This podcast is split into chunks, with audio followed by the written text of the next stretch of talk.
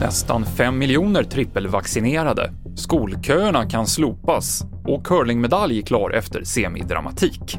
Det är rubrikerna i TV4-nyheterna. Ja, regeringen vill ta bort kötid som en urvalsgrund till friskolor.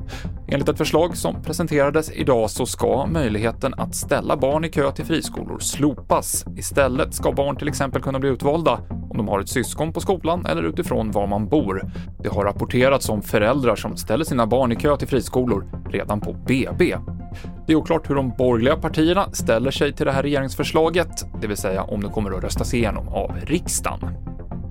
Snart så har 5 miljoner svenskar fått sin tredje dos coronavaccin. Det är drygt 4,7 miljoner trippelvaccinerade personer över 18 år. Det motsvarar drygt 57 procent av den vuxna befolkningen.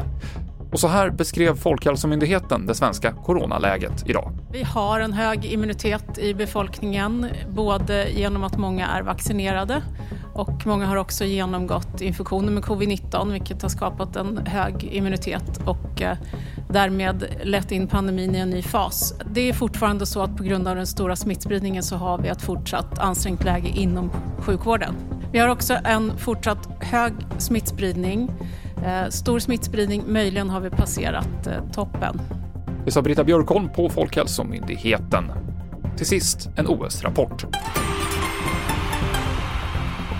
Vi kan räkna in en ny svensk medalj, för de svenska curlingherrarna är klara för final efter en spännande semi mot Kanada och det avgjordes med den allra sista stenen i sista omgången. Finalen spelas lördag morgon svensk tid och imorgon är det de svenska damernas tur att spela semifinal. Sandra Näslunds guld i skicross i morse innebär att de här spelen redan är Sveriges mest framgångsrika vinter-OS genom tiderna medaljmässigt. Senaste nytt hittar du på tv4.se. Jag heter Mikael Klintevall.